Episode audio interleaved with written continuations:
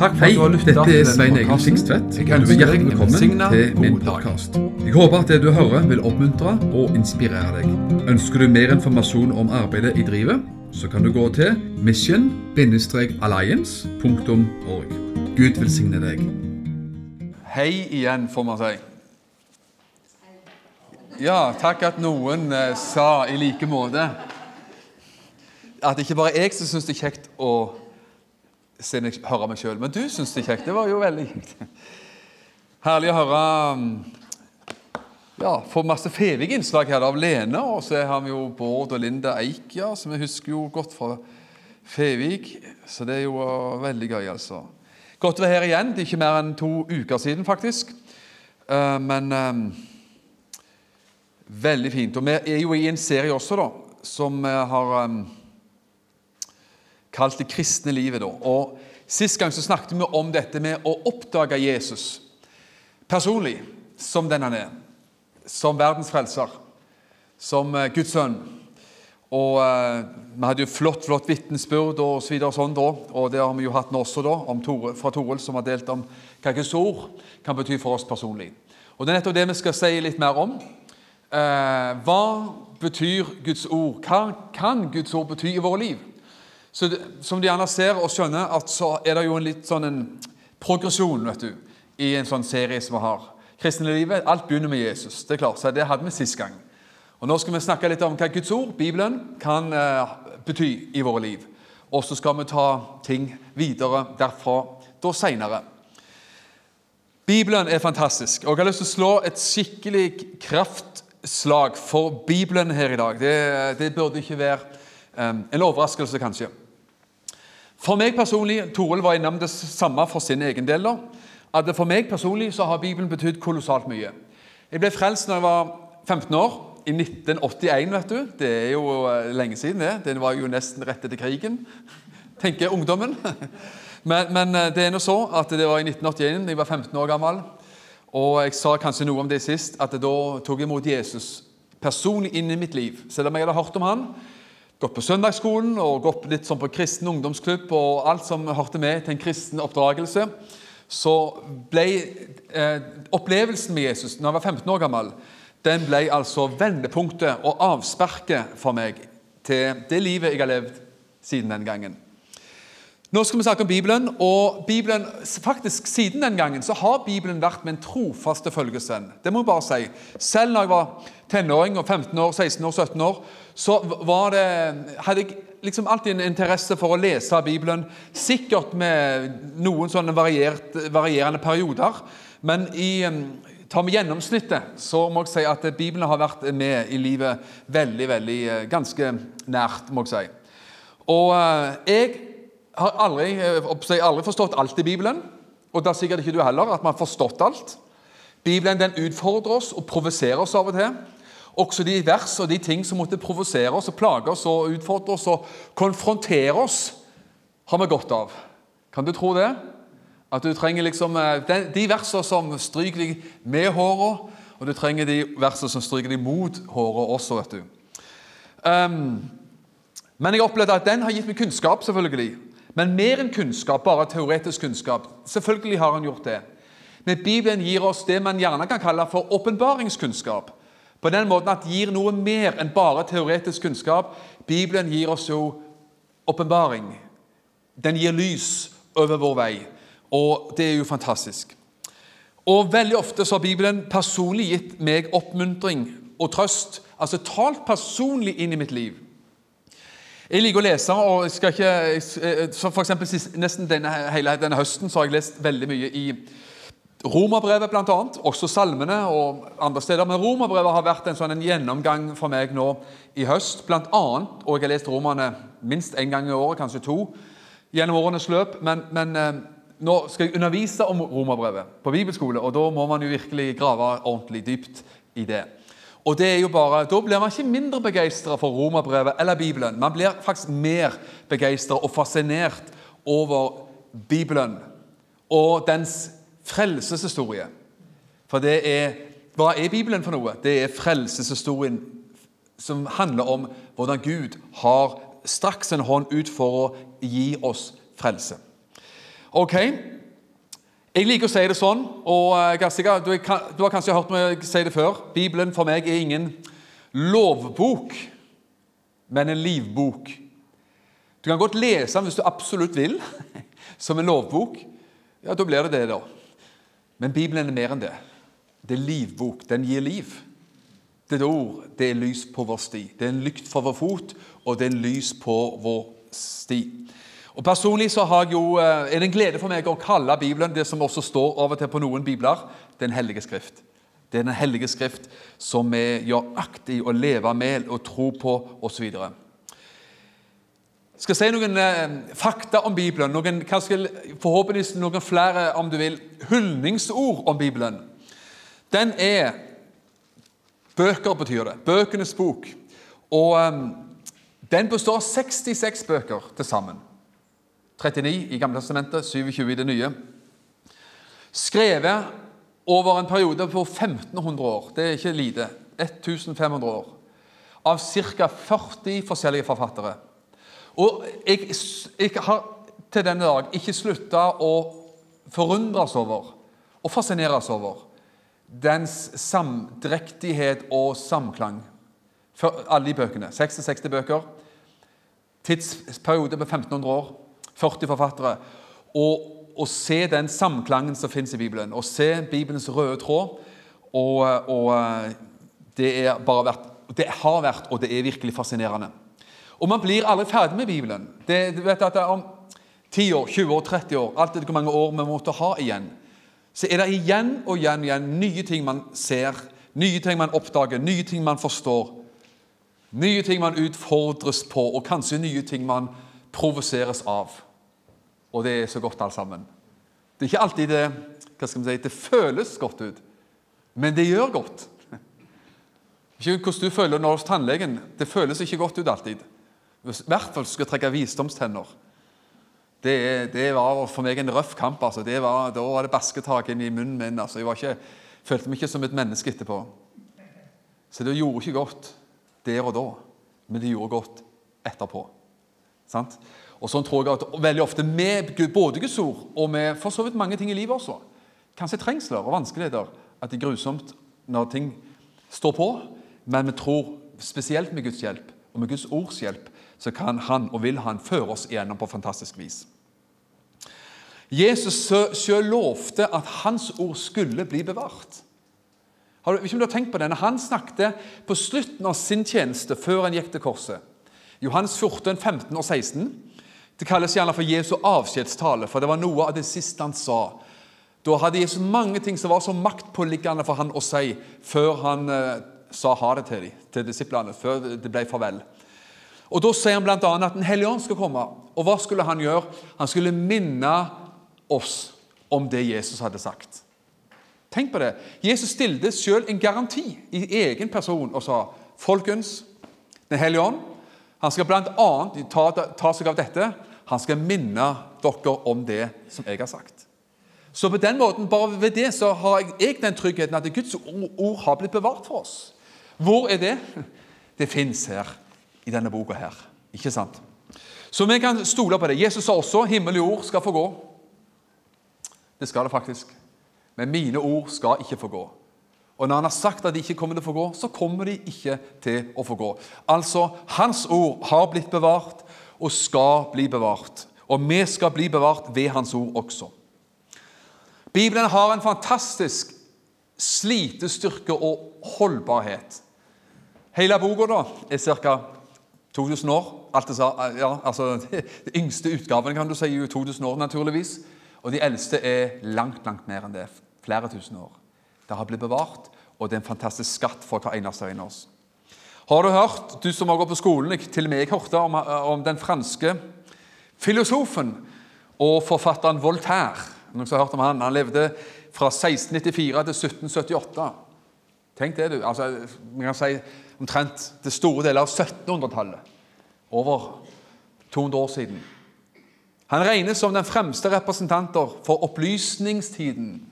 Man ville, man ville så gjerne være opplyst og smart. Så Han var den fremste representanten for opplysningstiden i Frankrike. og samt 1700-tallets mest innflytelsesrike skikkelse i Europa. Så han var, han var stjerna i den tida. Hans vekker han sa. Om 100 år, sa han, så vil Bibelen ha utlevd seg sjøl.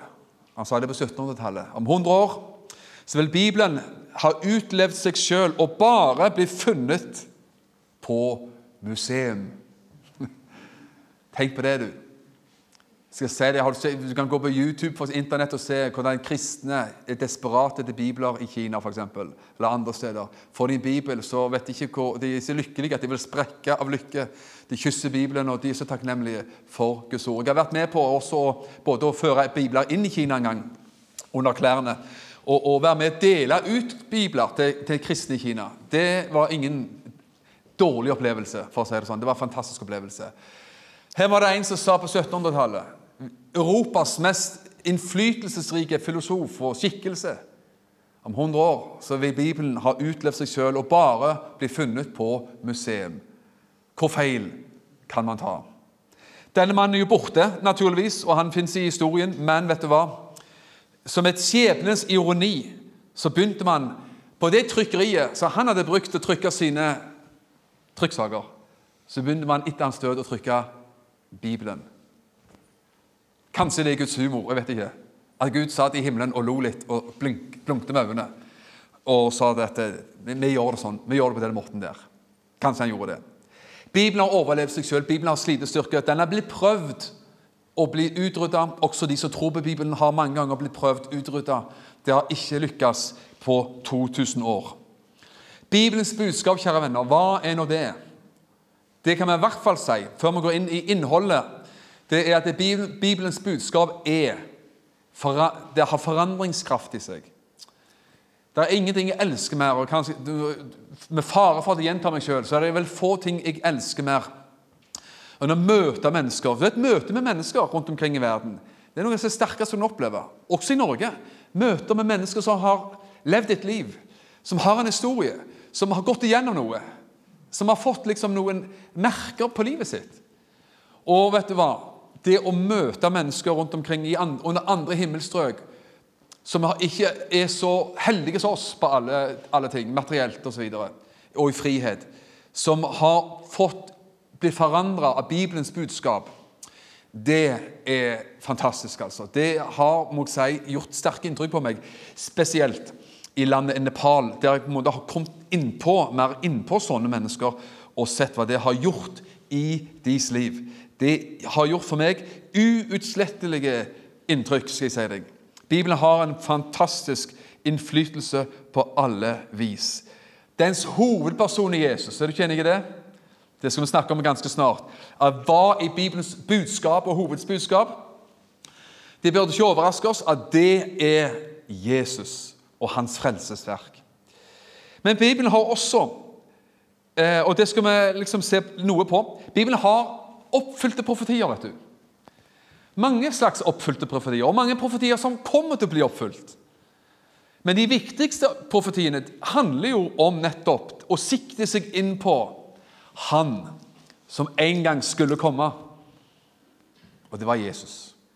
Til og med fra Bibelens første blader ved syndefallet så kom den første profetien om én som skulle komme.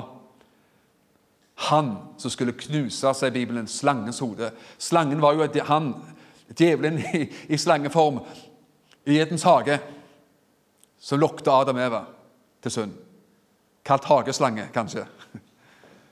Han lokte de i synd, men så var Gud noe etterpå. Han sa det til slangen. Der kom en. Fra din ett, fra kvinnens ett skal det komme en som skal knuse slangens hode. Det er å beseire djevelen det er å ta oppgjør med ondskapen. Og Jesus gjorde jo det så fantastisk på Golgata kors. Og vet du hva? Det er bare første fasen, men alt, skjedde, alt ble betalt for på korset ved Jesu blod. Men eh, en dag så kommer han også igjen for å skape, gi oss en ny himmel og jord osv. Og, og det, da går vårt liv i en annen fase, kan du si, for, for å si det mildt. Kan jeg få lov, også hvis jeg har gjort det før, så får du ha meg tilgitt, men jeg gjør det likevel. Jeg leser fra en bok her som heter Verdens viktigste bok. Det er jo Bibelen, da. Men en bok av Lauren Cunningham. Han lever ennå, han er jo noen 80 år. Han har reist i alle verdens land. Det er vel ca. 200 land. Han har vært i absolutt alle verdens nasjoner. Forkynt evangeliet. Han er jo leder og grunnleggende av Ungdom i oppdrag, Youth with a Mission, som er en av de mest bemerkelsesverdige misjonsbevegelsene som har vært og er ennå, og lever i beste velgående. Så Lorne Cunningham han er vel verdt å høre på. Den boka skulle jeg ønske du kunne få tak i. Kanskje du, kanskje du kan få tak i den òg. Verdens viktigste bok. Den handler om hvordan Guds ord, hvordan evangeliet, Bibelens budskap, har påvirka og berørt mange land. Han snakker om Norge, det skal du få høre litt om. Han snakker om Fiji-øyene, Afrika.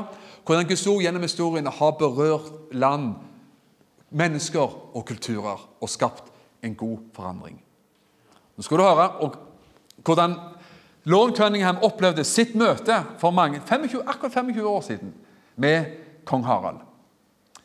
Nå skal jeg, lese, skal ikke lese mye, altså. det, det ble ikke sånn en uh, lang eventyrstund her i kveld. altså. Og ikke et eventyr heller. Men han sier en av de største, av de største nasjonsbyggerne vokste opp i en gård i Norge. Mange tror at dette landet ble rikt bare pga. all oljen i Nordsjøen. Men det ligger noe mer bak rikdommen enn som så. Jeg har sett stor fattigdom i andre oljeproduserende land.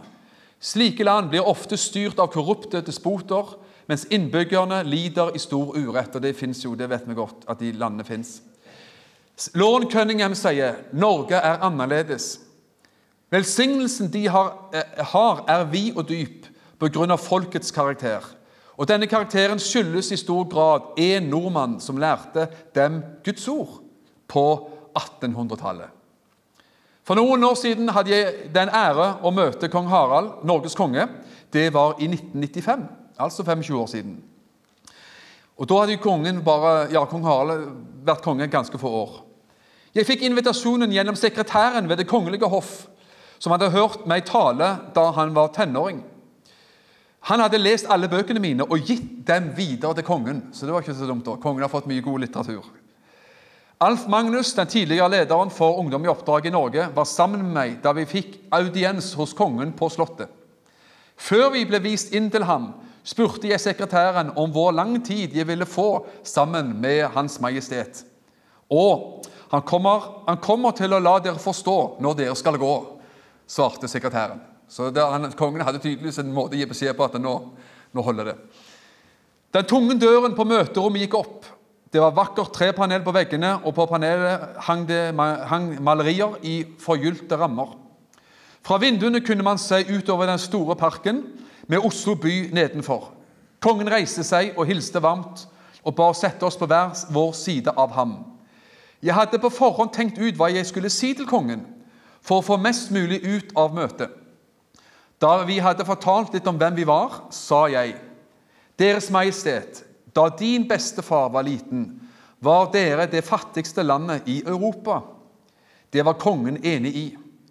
Kongen var ikke bare fattig, eh, Norge var ikke bare fattig på den tiden. Skolegangen var også elendig, og folk hadde svært liten frihet. Men nå, Deres Majestet, er det nettopp blitt sagt at Norge er verdens rikeste land i forhold til innbyggertall. Dere har fantast, et fantastisk utdanningssystem, alle kan lese, og folket nyter stor frihet. Hvordan forklarer du så en så rask forandring på så kort tid? spurte lord Cunningham kong Harald. Kongen eh, strakte seg bort og klappet meg på armen. Det vet jeg ikke, mister Cunningham. Jeg får stadig det spørsmålet av forskjellige ambassadører. Jeg kan bare svare 'jeg vet ikke'. Deres Majestet, har du lyst til å høre om mannen som forandret landet ditt? spurte jeg. Og Så fortalte Lauren Cunningham kong Harald om historien om hvem? Hans Nilsen Hauge. Og den vekkelsen og forandringen som skjedde gjennom Hans Nilsen Hauge. Så da fikk kongen Harald høre det. Garantert har kongen hørt om Hans Nilsen Hauge før. Og det interessante er at Året etterpå, 1996, var 200-årsjubileet for, for eh, Hans Nilsen Hauge. Det husker jeg sjøl. Jeg var jo 30 år den gangen.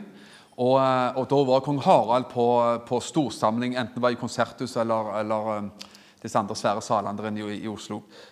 Så, så, var han der. Kongen har hørt om mannen og ordet som forandra Norge. Vi har en fantastisk vekkelseshistorie i Norge, en arv, en åndelig arv. Blant annet, og kanskje den som har satt dype spor, er jo denne mannen. Bemerkelsesverdige mannen Hans Nilsen Hauge. Leste også for noen måneder siden den siste boka om han, skrevet av Alf Magnus. Utrolig nydelig og sterk bok på alle vis. Hva er Bibelens budskap, kjære venner? Bibelen, dette ordet, har forandra landet vårt før. Det har forandret mange andre nasjoner og kulturer gjennom historien, så du også kan lese om i denne boka om du får tak i den. Hva er Bibelens budskap? La oss, la oss sikte oss inn på det, naturligvis. Bibelens budskap er at mennesket ble skapt i Guds bilde. Skapt i Guds bilde for fellesskap med Gud. Men historien forteller oss, Første Mosebok forteller oss at mennesket valgte synd opprør og ondskap i stedet for fellesskap med Gud. Og Hvordan går historien egentlig videre? Historien i Bibelen går i hovedsak videre og ut på dette at det finnes en Gud som strekker ut sin hånd til en fallen menneskehet. Det er Bibelens budskap. Forsoning. En Gud som roper etter forsoning. Jeg husker jeg hørte, Det er mange år siden. Han er hjemme hos Gud, han er predikanten her. Men det var en predikant som jeg hørte, som hadde mye bra å si. Han, sa, han fortalte denne historien, at han hadde bedt Gud om å vise ham hva er det viktigste ordet i Bibelen. Hvis vi skal summere Bibelens budskap i ikke bare ett vers, men ett ord, hva er det? Denne predikanten han fortalte han, når han spurte Gud om det og ba over det, så viste Gud han et bilde. Og I det bildet, eller i det synet så så, så han en stor stor bibel som senka seg ned fra himmelen. Mye større enn den som vi har her, da. Men jeg, nå har jo jeg en ganske stor bibel. Predikantbibel kalt. Men, men, en svær bibel så han etter et bilde som senkte seg ned fra himmelen. Og så så han det var ei hånd som begynte å bla i Bibelen. Bla fra ei side til annen side. Og så så denne predikanten bare ett eneste ord. Ett ord. Og det var ordet forsoning. Forsoning. Og vet, Hvis du bare tenker på det ordet forsoning, hvis du bare tykker på det ordet forsoning, så er det et utrolig ord. Og Er det noe i oss som rører våre hjerter, så er det når mennesker som forsones. Mennesker, da. Du vet, Hvem er det som er disponert for å få Nobels fredspris ofte? Det er mennesker som gjerne har stifta fred. Mennesker som har kjempa for fred. Mennesker som har gjort noe. Ofte, Av og til er det organisasjoner, sånn som nå, men andre ganger er det mennesker som har kjempa for forsoning. F.eks. For statsministeren i Etiopia som fikk fredsprisen for ett eller to år siden. eller når det var, sant? Andre mennesker som har gjort noe fantastisk. Så gripes man når nasjoner har blitt venner, fredsavtaler har blitt inngått, eller noe så nært som når to mennesker som gjerne var i ferd med å gå fra hverandre. Mann og kone som finner tilbake igjen. Eller foreldre og barn som finner tilbake igjen til hverandre. Eller hvordan det enn skjer. Det, det, det griper oss alltid. Les en sånn forsoningshistorie i et ukeblad, og du, du tar til tårene fort. vet du. Så har jo vi en historie på forsoning som overgår alt. Nemlig det at Gud har forsont verden med seg sjøl gjennom Jesus Kristus. Det er verdens beste fortelling. Det Er det noe som kan det renner fra begge øynene våre, så er det jo akkurat den historien om Gud som nettopp har gitt oss forsoning. Og tilbyr forsoning. Og rekker ut sin hånd og sier Kom, du som har kommet på avstand. Du som har kommet ut i elendighet på alle vis, og gått vill og gått i opprør eller gått i ditt og datt. Kom. Kom tilbake igjen det Hva sa Jesus? Ja, Jesus sa jo massevis av det. Kom til meg, alle dere som strever av tunge byrder, sa Jesus. I Bibelens siste blader, siste, nesten siste ord, hva sier Gud? Den som vil, den som tørster, kan komme og få livets vann for intet. Det er det siste appellen fra vår Gud i Bibelens siste blader, faktisk. Så jeg har et annet ord om forsoning. Så I dag blir det forsoning. Bibelens peker på, sikter inn på dette med Jesus og forsoningen. Hør hva, hva Gud sier gjennom profeten Jesajas til folket den gangen, Israel, israelsfolket. Jesajas 1,18 er en av de vakreste skriftstedene i Bibelen. Kom, la oss gjøre opp for sak. Tenk at Gud sier det. Kom, la oss gjøre opp for sak. Om deres synder er som skarlagen, skal de bli hvite som snø. Om de er røde som purpur, skal de bli hvite som ull ikke det vakkert ord? At Gud sier skal du og meg gjøre opp for sak? Skal du og meg skvære opp? Skal du og meg, se en annen oversettelse sier, gå i rette med hverandre? Og Gud sier, har du, har du blitt tilgrisa i livet, har du blitt tilskitna i livet, så kan du bli hvit som snø. Det, er noe med hvitfargen som er ren og fin. Hvit brud står for renhet, står for noe fint. Sant? Og vet du hva? Det er i hvert fall 300, 300 profetier i denne boa her som peker på ene og samme ting. Samme person Jesus. Og bare i selve historien i Bibelen om når Jesus døde og hang på korset og døde og sto opp igjen, hele den forsoningsverket, så er det ca. 30 profetier som blir oppfylt. Vi snakker om Guds ord i dag. Hva Guds ord gjør, og hva Guds ord peker på peker på Jesus. ikke sant? Nettopp det. Det handler om Jesus. Bibelen har en mengde profetier. Du vet, Det er nydelige scener vi har her. Men har du sett sånn scene på sånn dyrt konserthus? Det er ofte sånn svart i taket. så det, det går veldig svart. du, Svart farge. For det står det lett å bruke lyskastere som, som setter lys. Altså Lyssetting blir så lett å jobbe med når man har alt det svart. Og så har man et utall av lyskastere oppi, oppi taket. Har du sett det? Og av det, Jeg er jo ikke tekniker overhodet, så jeg vet jo veldig lite, men jeg vet noe. Og det er når man har liksom et utall av lyskaster oppi der, i sånn svart tak i, i, et konserthus, så tenker jeg, så står de ofte på kryss og tvers. De, står ene veien og andre veien og, og tredje veien, og de står i alle vinkler og kanter. Men alle tjener et formål. Det er at lyssettingen på scenen skal være så god og fin og bra som mulig for den eller de som står på scenen og framfører noe. Og Sånn tenker jeg at profetien i Bibelen, alle de hundrevis av profetier i Bibelen, de, de, kan se ut som at de står i alle vinkler og alle kanter, og, og de er vinkla på forskjellig vis. Men på forunderlig vis så skaper de den perfekte lyssettingen for Jesus. Den perfekte lyssettingen for Jesus og det han har gjort for oss. Og Selv om de står i forskjellige vinkler, og, og man lurer av og til når man kikker i taket hva vei tar alle disse lyskasterne, men, og de står i alle vinkler, men de treffer liksom ned på scenen samme hva. Og Profetien i Bibelen har det der forunderlige med seg at de peker på én person. Det ender opp med, på forskjellige vinklinger og forskjellige lysstråler, så peker de på scenen. Og gjerne den scenen som vi kan kalle Golgata og Jesus. Det peker på Jesus. Og Derfor er det fantastisk at vi kan få lov her i dag nettopp til å få lov til å peke på denne herlige frelseren vi har. Hva, la meg nevne tre profetier om Jesus. Tre, tre ting som profetiene denne boka her peker på når det gjelder Jesus tre kanskje vinklinger. De står forskjellige vinkler i taket, kanskje de profetiene, men de treffer ned på scenen. Og de treffer ned på Jesus. Nemlig Hva er det første? Jo, at de peker på Jesu første komme. Når han skulle komme til vår jord.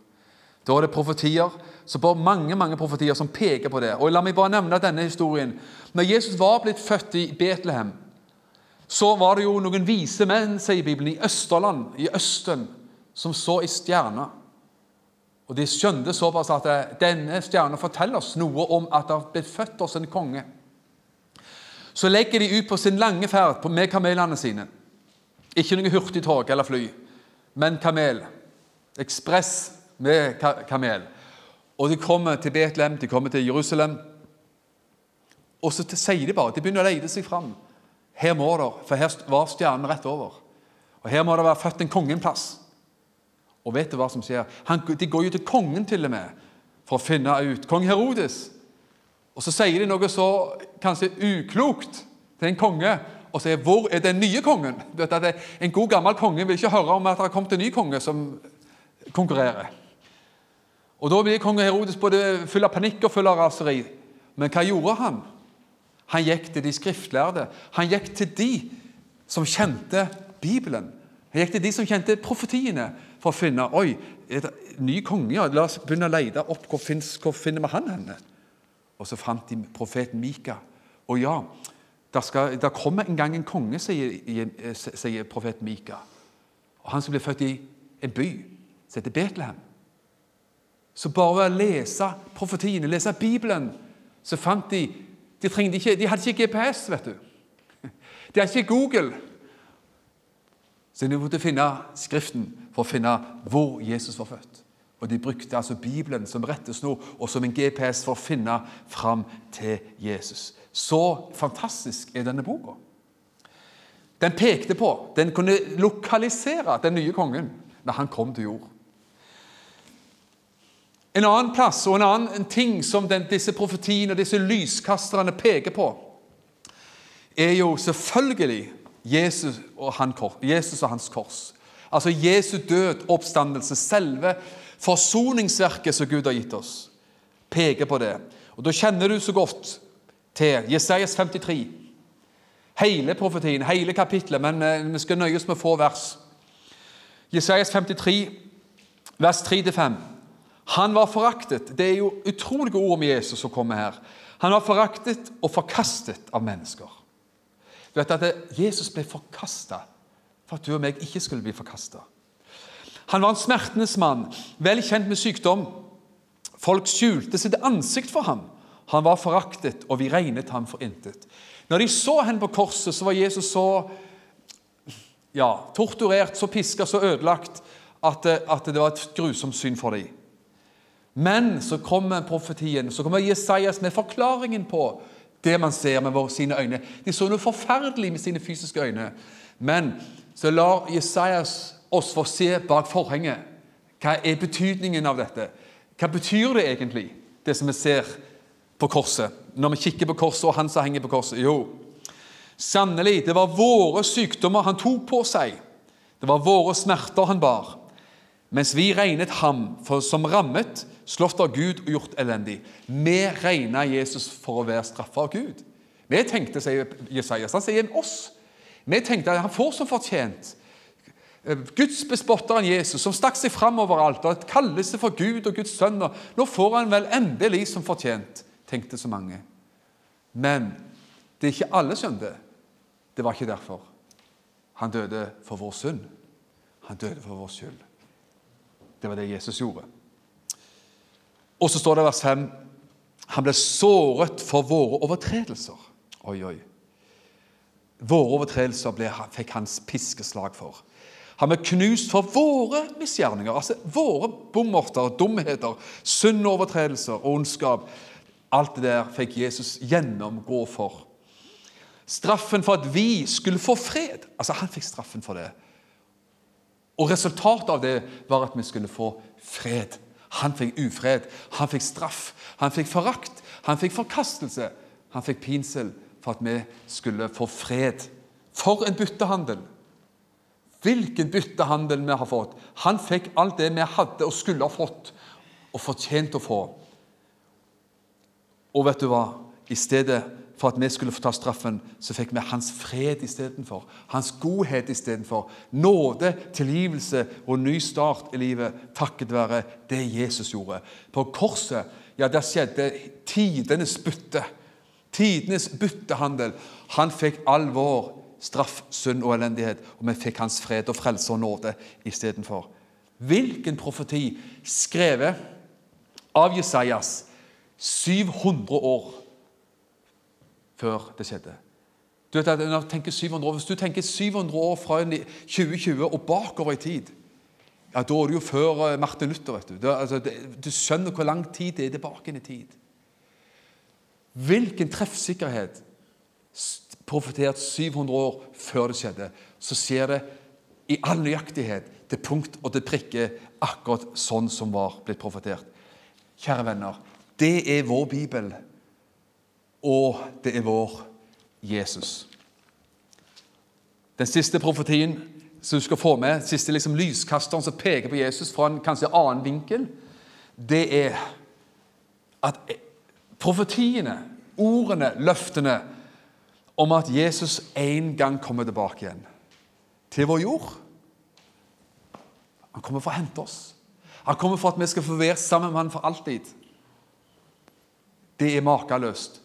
Og det jo en, en mengdevis. Paulus har masse profetier om det. Peter har. Men nå skal du få høre selve profetien av Jesus sjøl. Den, den, den, er bra. Jesus sa det.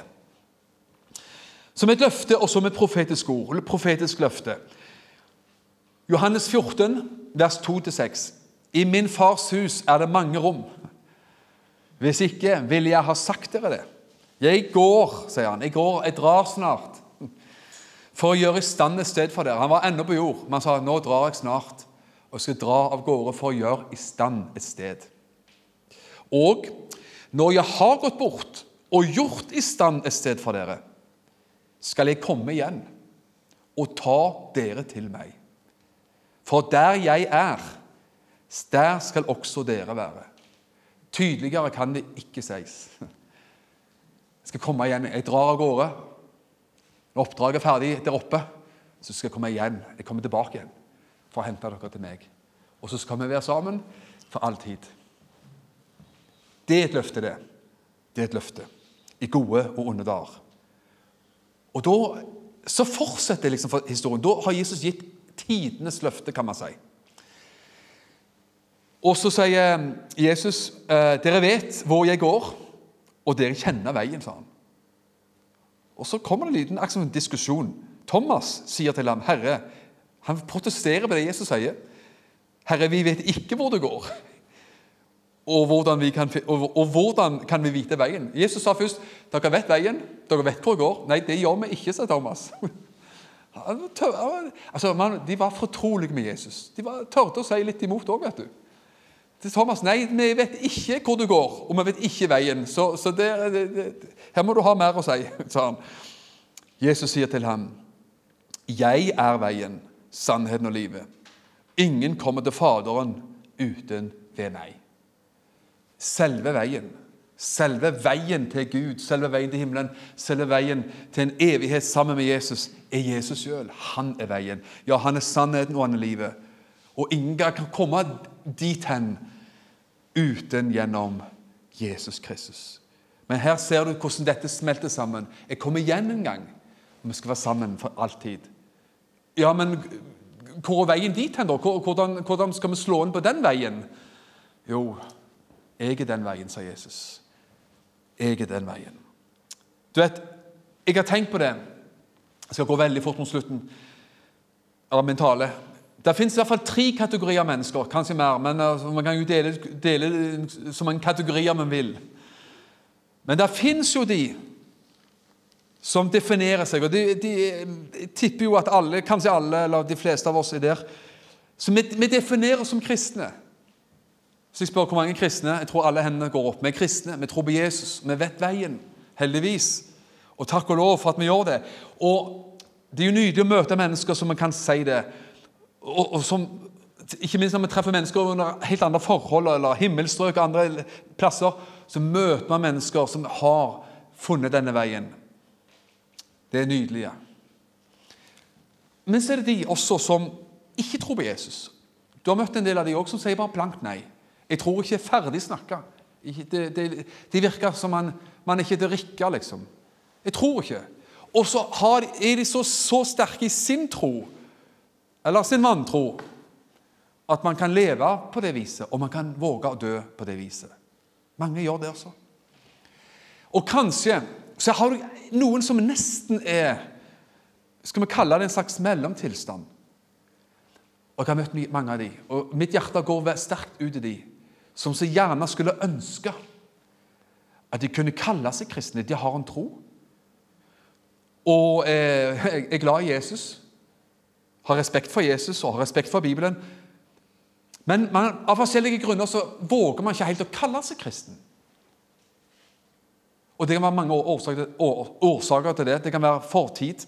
Man har hørt mye rart fra andre folk. Man, man, ting har skjedd i livet som gjør at man føler seg diskvalifisert til å kalle seg kristen. Men én ting er helt sikkert. Jesus er for alle som ønsker det.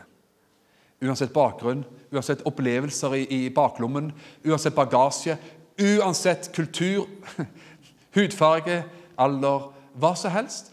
Evangeliet passer for alle. Evangeliet når til alle hvis man vil ha det. Og Hvis du skulle være i den, kategorien her i dag at eh, jeg har lyst til å være en kristen, men jeg vet ikke, jeg vet ikke om jeg tør å kalle meg kristen, eller jeg vet ikke hvordan jeg liksom skal komme til Jesus, da er i hvert fall dette møtet for deg. Det må jeg bare si. Da er denne kvelden for deg. At det, og med største glede så har jeg lyst til å både snakke med deg og be for deg og alt mulig, for at du skal gå ut herfra i kveld og vite det at jeg tilhører Jesus. Jeg er 100% sikker på at jeg tilhører Jesus. Jeg er 100% sikker på at jeg er 100% frelst. Det tilbudet ja, det tilbudet finnes her i dag for hver eneste en av oss. Så det må man altså bare vite. Veien til himmelen. Kjære venner, vi har snakket litt her i dag om Bibelens fantastiske sammensetning, opprinnelse kanskje, innhold. Og den peker på Jesus på et utrolig vis. Og det er Jesus som er Bibelens hovedperson, og som er den som kan og vil forandre et menneskeliv. Amen. La oss be sammen. Far i himmelen, vi bare takker deg for at vi får lov til Jeg har lyst til å takke deg for noe så kanskje selvsagt og enkelt, så at vi får lov til å samles i et fritt land. Vi får lov til å samles, Herre. Vi får lov til å annonsere møter i avisene, Herre. Vi får lov til å annonsere på Facebook, Herre. Vi trenger ikke gjemme oss, Herre. Vi trenger ikke vi liksom på gatehjørnene om, om, at vi skal ha møte i kveld. Vi kan få lov til å være samles i offentlighet. Herre, vitende om at det er for mange rundt omkring som ikke kan det i dag. Takk for den nåde det er, takk for den mulighet det er, Jesus. Og Jeg har lyst til å bare si takk for ordet ditt, takk for Bibelen, Herre. Takk for evangeliet. Takk for Jesus, takk for frelsen, takk for korset. Takk for alt sammen, Herre. Og Herre, takk at du i dag sier til oss, enhver av oss, kom, la oss gjøre opp vår sak. Om, din, om, om, om dine synder har gjort deg si, rød som, som, purpur eller svart som sot, så sier du til oss her at vi kan i dag bli hvite som sne. Vi kan bli, få hvit kledning her. Vi kan bli kledd i hvit, hvithet og renhet, Herre. Jeg takker for, for forsoningens tilbud som gjelder for hver eneste en av oss. Hjelp oss til å formidle forsoningens ord til så mange som mulig, Herre. Og Er det noen her i dag som trenger dette budskapet på en helt spesiell og personlig møte, herre, måte, så ber jeg at denne kvelden nettopp skulle være den kvelden som de kan merke av i livet sitt. Og i kalenderen og si denne kvelden, denne 11. i 10. 2020, så skjedde det et vendepunkt i mitt liv. Jeg takker deg for det i Jesu Kristi dyrebare navn. Amen. Toril, det verset du hadde, jeg vet ikke om du har det på papir, men det var veldig bra. og Kan ikke du lese det en gang til? For Det var jo et vers som det var til noen her, så bare snu deg til forsamlingen nå. Ja, jeg følte liksom Nei, jeg følte at, at du føler deg ikke god nok og at eh, du er veldig skuffa over deg sjøl.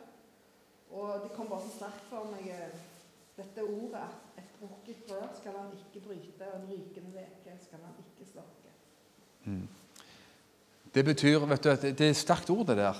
For du kan føle at ditt liv og dine omstendigheter er som et tynt siv. Et brukket røyr, eller noe sånn At det henger så tynt. Det er så svakt, det er så skjørt. Du kjenner at det, tilværelsen din er svak er skjør og kanskje til og med har liksom brukket av. Så vit at Jesus kommer ikke da og sparker beina under deg og, og, og liksom kaster deg i grøfta. Jesus kaster ingen under bussen, som han sier. Nei. Tvert imot så tar, har vi følt at vi har blitt sparket under bussen av noen, så tar han oss fram igjen og reparerer oss og gjør oss hele igjen. Det er Jesus. Kjenn det sterkt på det selv under møtet her, at hvis du er her som kjenner at du plages av uro på nettene, dårlig søvn og kanskje til og med mareritt og, og liksom urolige ting som skjer, som gjør at du til og med gruer deg til å falle til ro og sove. Du, og, og, for du, du, er redd for nesten sagt hva som skal møte deg, hva, hva som treffer deg når du faller til ro eller sovner. Da kommer det uro og vanskelige ting. Jeg tror Jesus skal hjelpe noen med god nattsøvn. Jeg har, opplevd, jeg har hørt mange vitnesbyrd på at Gud virkelig gjør noe for mennesker der. Og skal si deg, det er flere enn det vi tror, som har den kampen i livet sitt. Men fredsfyrsten, fredsfyrsten er flink. Han er flink på å gi oss fred. Både når vi våkner, og når vi lukker våre øyne. Det er lett å holde kontroll når vi har våken tilstand og kan holde følelser og ting i sjakk. Men når vi lukker våre øyne og skal sove, så er vi hjelpeløse og forsvarsløse, og da skjer det som skjer. Da er man kanskje litt sånn Oi, hva kommer nå? Jeg ber at det gode ting skal komme når vi lukker våre øyne og trekker dyna over oss i Jesu navn. Jeg må spørre også, Er du her som kjenner at jeg i dag har lyst til å gi livet mitt til Jesus? Jeg har lyst til å ta imot han, jeg har lyst til å i dag bare bekjenne troen på han og invitere han inn i mitt liv. Så enkelt er det. Invitere han inn i livet. Da har jeg lyst til å bare si, Vi skal få litt sang her av, av Lene her, så, så, bare stig fram, Lene, og velsign oss med sang og musikk og det som du har. Og Er du her som kjenner at noe av det vi har sagt nå, treffer deg, og du kjenner at det hadde vært godt å bli bedt for, så, så kom og stå her framme eller sitt på en stol, så skal vi, en av oss komme og velsigne deg og be for deg i Jesu navn. Og om du kjenner at det var bedre for deg å komme og ta en prat når andre går ut av møtet etterpå, så kan du selvfølgelig også gjøre det. Men vær fri til å gjøre det. Vi er her for å ikke bare tale til deg, vi er her for også for å be for deg om du skulle ha behov for det. Amen. Takk for at du har lytta til denne podkasten. Jeg ønsker deg en velsigna god dag.